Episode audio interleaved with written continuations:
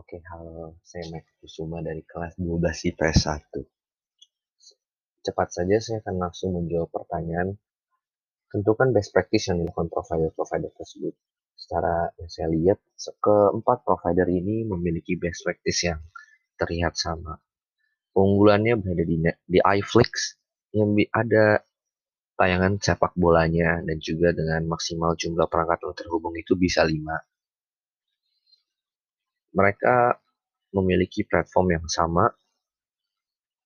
Kalau dari best practice ini yang paling tidak unggul terlihat pada view karena hanya tayangan Asia, tidak ada sepak bola maupun anime, dan juga tidak ada sewa film terbaru.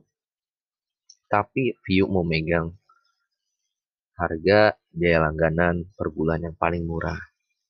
Kemudian saya lanjut ke yang nomor 2, Tentukanlah best practice mana yang akan Anda pilih jika Anda mempunyai usaha dalam industri yang sama.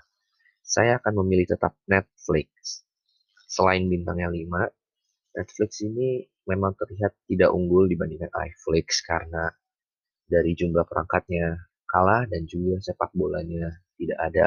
Tapi selain itu Netflix di dalam fitur-fitur Netflix, Netflix itu mempunyai episode yang lebih banyak yang lebih lengkap dari iFlix dan juga Netflix. Ada Netflix Party yang cocok banget buat kita yang lagi pandemi gini nih yang nggak bisa nonton di bioskop tapi kita bisa nonton party bareng temen-temen yang ada di rumah nonton bersama kayak melalui Zoom gitu tapi langsung dalam Netflix ya jadi tentunya videonya nggak akan nge-lag atau patah-patah.